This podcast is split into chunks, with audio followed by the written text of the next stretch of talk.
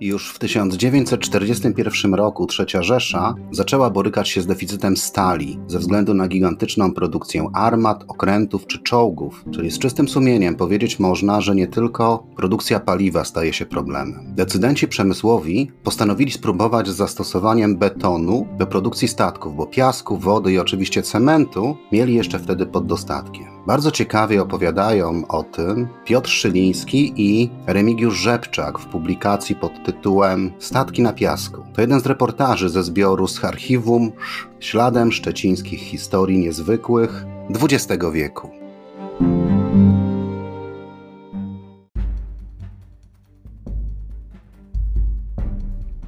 Ryszard Kapuściński powiedział: Wszak istnieje coś takiego jak zarażenie podróżą i jest to rodzaj choroby, w gruncie rzeczy nieuleczalnej. Będzie to podcast o podróżach do miejsc niedalekich, o bogatej historii Polski i regionu, o miejscach osiągalnych dla każdego i o moich przemyśleniach w historycznych miejscach. Zapraszam, Marcin. Kilka słów do słuchaczy. Podcast o Gdyni cieszy się dużym zainteresowaniem. Jestem zaskoczony, że ile ma odsłuchów, ale być może dlatego, że jest to moje rodzinne miasto. Wrócę do tego, bo podcast o dzielnicy, w której dorastałem, czyli o Kcywiu, zaczyna się jakoś już rysować, więc będzie następna rzecz o Gdyni. Czy będzie podziemna Gdynia? Pytanie mojego kolegi Piotra, zwanego Józefem. Nie wiem. Najpierw muszę coś znaleźć. Dziękuję za wirtualne kawy. Tym razem Magda postawiła mi wiadro kawy. Ja mam podwyższone ciśnienie, ale Magda dziękuję. Pozdrawiam i cieszę się, bo znowu mam środki na promocję. Gdyby Wam się podobało, to oczywiście proszę o gwiazdki w serwisach Spotify, Player FM czy Apple Podcast. Natomiast jeśli słuchacie mnie na YouTube, to jak najbardziej proszę o łapki w górę i subskrypcję kanału. Ale wróćmy do tajemniczego wraku nad Odrą albo na Odrze. Czym są betonowce? W konstrukcji betonowych jednostek pływających Niemcy nie byli pionierami, bo zarówno Austriacy, Francuzi, Amerykanie czy Włosi prowadzili pracę nad statkami z takiego materiału. Pierwszym betonowcem była konstrukcja francuska, zaprezentowana na wystawie w Paryżu w 1855 roku, ale prace rozpędziły się podczas I wojny światowej na skutek braku stali. Prym wiodła firma Weiss und Freytag, budując dużą liczbę barek kursujących po Dunaju. Podobno pierwsza pływająca jednostka betonowa nowej konstrukcji, konstrukcji skorupowej, czyli takiej, która ma sporą wyporność i zużywa mało betonu, taką konstrukcja w Europie powstała w 1919 roku w ówczesnej Rosji, w znanym nam z bieżących wiadomości Hersoniu, dziś ukraińskim. Ponoć historycznie stocznia SGS Hersonia była ostatnią istniejącą stocznią zaangażowaną w produkcję tzw. Tak betonowców. Nie wiem jaki jest dzisiejszy jej los, bo niestety na krótko trafiła w ręce Rosjan. To właśnie konstrukcja skorupowa w miejsce żelbetowego klocka, konstrukcji opartej na konwencjonalnej ramie i trudnej w manewrowaniu o słabych właściwościach morskich, konstrukcja skorupowa spowodowała powrót idei betonowych okrętów, których niewątpliwymi zaletami było samo uszczelnianie się korpusu organizmami morskimi i łatwa naprawa za pomocą chłonącego wilgoć betonu. Warto wspomnieć, że w Hamburgu możemy zobaczyć dziś budowlę o nazwie IBADOK, ekspozycję z Międzynarodowej Wystawy Budownictwa, która jest także ekspozycją innowacyjnych technologii budowlanych i energooszczędnych, związanych także z zasilaniem i ogrzewaniem. Betonowy kadłub pływający i kontenerowe nadbudówki tworzą całkiem zgrabną całość, dzięki czemu IBADOK może poruszać się również pod niskimi mostami. Ostatecznie jednak po II wojnie światowej takie typy jednostek pływających wyparła stal. Nie licząc kilku epizodów, na przykład łodzi patrolowych amerykańskiej konstrukcji Swift PCF 1969, służących w liczbie 71 w armii południowego Wietnamu podczas wojny wietnamskiej. Wróćmy jednak do III Rzeszy i czasów wojny. Niemcy postanawiają wykorzystać beton do produkcji statków. Jak to Niemcy? Zrobić to na skalę przemysłową. Inną metodą jest metoda dość chałupnicza. niedaleko wody, wykonuje się odpowiedni dół, formuje kadłub, a po doprowadzeniu wody kadłub zaczyna pływać. W ten sam sposób, tak naprawdę, tak naprawdę, ten sam sposób w powieści Daniela Defoe Robinson Crusoe zwodował swoją łódkę. Oczywiście nie było ona z betonu. Ale Niemcy podchodzą do sprawy systemowo. Nie chodzi o to, żeby budować betonowce byle jak i byle gdzie. To seryjnej produkcji statków potrzebna jest stocznia i darmowa siła robocza, tak jak w wielu nazistowskich projektach niestety. Około 1940 roku zaczęto projektować ekonomiczne statki i mowa tu o czterech podstawowych typach. Lżejszych dla żeglugi śródlądowej, tankowcach zaopatrujących okręty, czołgi czy samoloty w paliwo, frachtowce oraz kabotażowce. Oszczędności na stali dochodziły do 70%, co również zmniejsza zużycie importowanej przecież rudy żelaza. Źródła podają, że zbudowano od 50 do 200 sztuk takich betonowych jednostek. Prym wiodła tu firma budowlana Dickershoff und Widman, posiadająca własne cementownie. Kolekcjonerom wiedzy niepotrzebnej nadmienię, że w latach 1911-1913 zbudowała ona halę stulecia we Wrocławiu. Rzecz jasna, umoczona była w niewolnicze wykorzystywanie pracowników przymusowych, między innymi obozu Auschwitz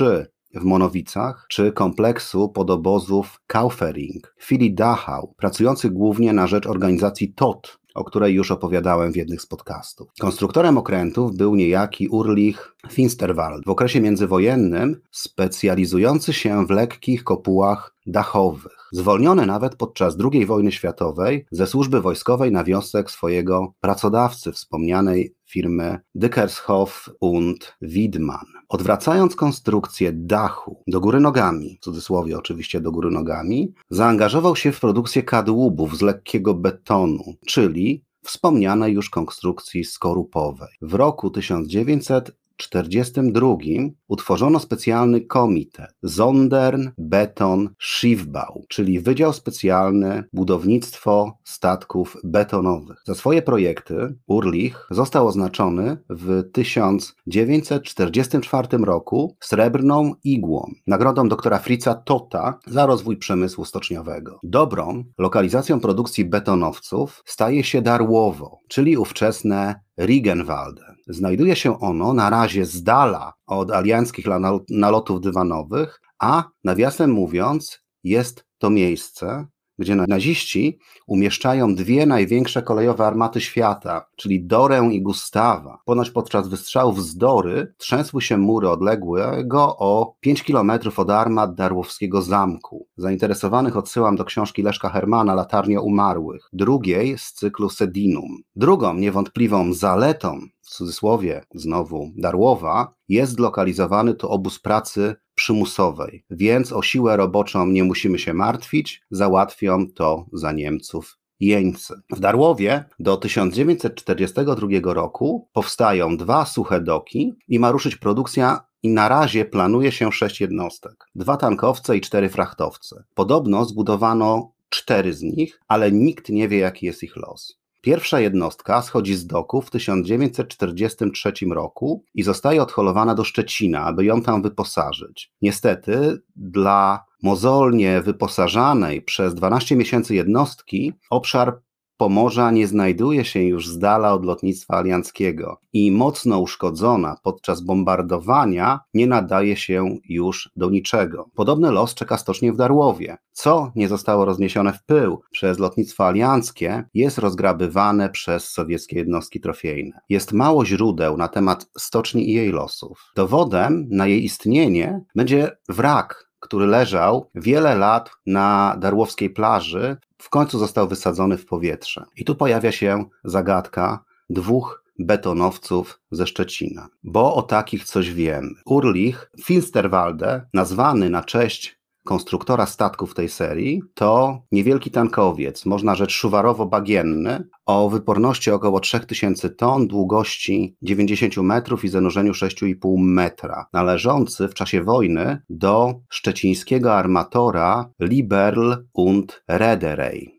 Miał służyć zapewne do transportu benzyny syntetycznej ze znajdującej się w Policach fabryki koncernu IG Farben. Podobno powstał już w 1941 roku, choć nikt nie wie, gdzie został wybudowany, a konfrontując tę datę z powstaniem stoczni w Darłowie, to raczej nie w Darłowie. Są teorie, że betonowce budowano już wcześniej w Szczecinie, na wyspie Okrętowej, niedaleko dzisiejszej stoczni Gryfia. Miała tam być nieduża pochylnia dla okrętów desantowych i właśnie betonowców. W marcu 1945 roku statek ten został poważnie uszkodzony podczas sowieckiego bombardowania, tak poważnie, że nie nadawał się do eksploatacji. Niemcy próbowali zablokować nim jeszcze odrzański tor wodny, ale im to się nie udało. Statek osiadł na jeziorze Dąbie. Ówczesnych szczecińskich pionierów przybyłych do miasta tuż po wojnie przez lata zastanawiało, dlaczego jest to tylko kadłub i gdzie podziała się nadbudówka i wyposażenie. Smutny los statku Urlich Finsterwalder podzieliła jego bliźniacza jednostka. Karl Finsterwalder, bo 12 marca 1945 roku podczas bombardowania stacjonującej w Świnoujściu jednostki zostaje ona totalnie zniszczona. Wrak pomiędzy drugą połową 1945 roku a marcem 1948 stał przytopiony w okolicach kanału Piastowskiego. Tak pisze Marek Jaszczyński 7 lipca 2021 roku na łamach Głosu Szczecińskiego, a właściwie portalu gs24.pl. Najpierw statek pozostaje na płyciźnie wylotu Starej Świny. W latach 1950-51 ze statku zostaje zdemontowane wyposażenie, po czym w 1970 roku kadłub przeholowano do miejsca o nazwie Święta Kępa i tam zatopiono. Jest to miejsce przy wyspie Wolin, niedaleko miejscowości Wisełka.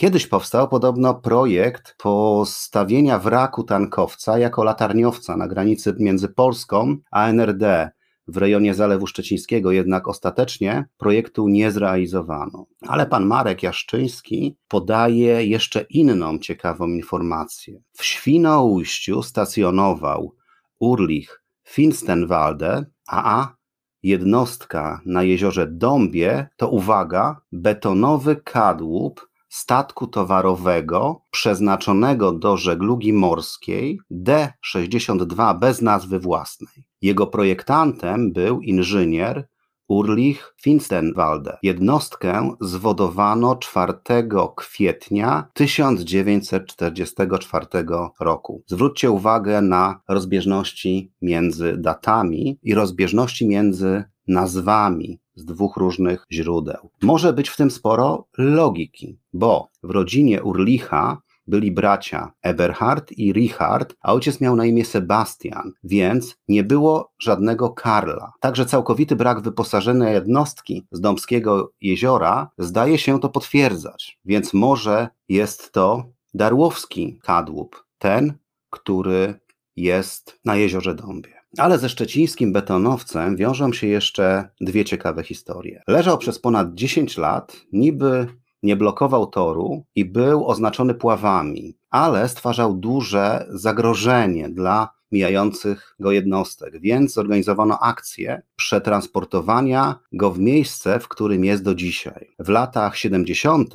powstał projekt zbudowania na wraku kompleksu basenowego, jednak projekt zarzucono, tam miał być basen, natryski, energia, parasole, no niestety nie udało się. Drugim faktem z życia wraku jest koncert, jaki odbył się w 2009 roku pod tytułem Jazz na betonowcu. Wtedy na wraku wystąpił Antoni Gralak i Dariusz Makaruk. Antoni Gralak znany jest ze świetnej płyty Primitivo, którą nagrał z Oleś Brothers. Podam do tego albumu link. Specyficzna była widownia koncertu, bo przypłynęła ona na zabytkowych statkach. Na przykład był to niemiecki holownik Andreas, zbudowany w stoczni Wiman w Brandenburgu w 1944 roku, w Brandenburgu nad rzeką Havel. Obecnie jego port macierzysty to Berlin Mitte. Dodatkowo były inne statki, dwa szczecińskie, motorowy Eintracht i holownik Woldampf, zbudowane w Szczecinie przez werft Niszkę, operującą na terenie dzisiejszego Grabowa. Jest to stocznia, o której mało się mówi, mało się wspomina. Podobno Woldampf jest najstarszą pracującą jednostką zbudowaną w Szczecinie, bo mówimy o roku 1896 jako wodowanie. Dodam, że to nie jest jedyny koncert, jaki odbył się na szczecińskim betonowcu. A miejscem nieoczywistym będzie plaża w Winoujściu, kilkanaście kilometrów od Szczecina. Tu możemy zobaczyć betonowca, możemy go nawet oblatać dronem. Podobno przy niskim stanie Bałtyku z kolei, z Wisełki, możemy zobaczyć również zatopiony zarys bliźniaczego betonowca. Jednak jeśli chcecie zobaczyć pełnomostką jednostkę betonową, trzeba przekroczyć Odrę. Mowa tu o statku Redentin, który został zbudowany prawdopodobnie w 1944 roku w Świnoujściu przez stocznię Willi Klotz. Aby statek nie padł ofiarą Sowietów, jego kadłub został przerzucony na zachód przez Bałtyk przez szczeciński holownik Hermann Kirsch. W 1946 roku producent konserw rybnych Gottfried Friedrichs chciał użyć użyć kadłuba jako miejsce produkcji. Koniec końców kadłub w 1962 roku został odholowany do Zatoki Redentin i służył już jako magazyn. Do dziś można go zobaczyć. Jak również niedaleko jego brata bliźniaka Kapela i tego brata bliźniaka można zwiedzać w porcie w Rostoku. Tyle o betonowcu, na pewno wartym opowieści. Jakie były późniejsze losy konstruktora, betonowców? Po II wojnie światowej kontynuował karierę w firmie Dywidak, bo na taką zmieniła nazwę Dickerhoff i und Wiedemann. Był zaangażowany w rozwój budowy mostów metodą wspornikową przy użyciu betonu strunowego. W 1951 roku, zgodnie z jego projektem, most LAN o szerokości 62 metry, Baldurstein został zbudowany jako pierwszy most tego typu konstrukcji samonośnej. Dwa lata później, stosując tę samą metodę budowy, zaprojektował most Nibelungów.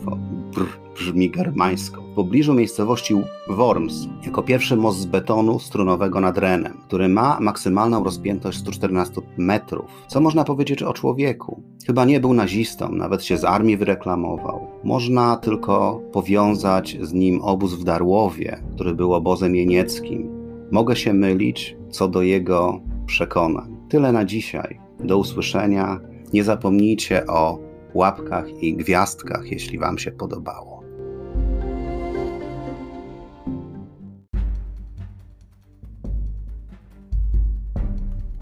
Dziękuję za wysłuchanie dzisiejszego podcastu. Czekam na uwagi o tym odcinku na Facebooku i Instagramie. Możecie także ocenić ten podcast w serwisach Spotify, Apple czy Player FM. Wasze pozytywne oceny ułatwią dotarcie do kolejnych słuchaczy. Możecie także postawić mi wirtualną kawę w serwisie Buy Coffee pod adresem podcast Miejsca Nieoczywiste. Środki przeznaczam na pod promocję podcastu w mediach społecznościowych. Jeżeli macie pomysł na odcinek, poproszę o mail na adres domwdawidach.gmail.com.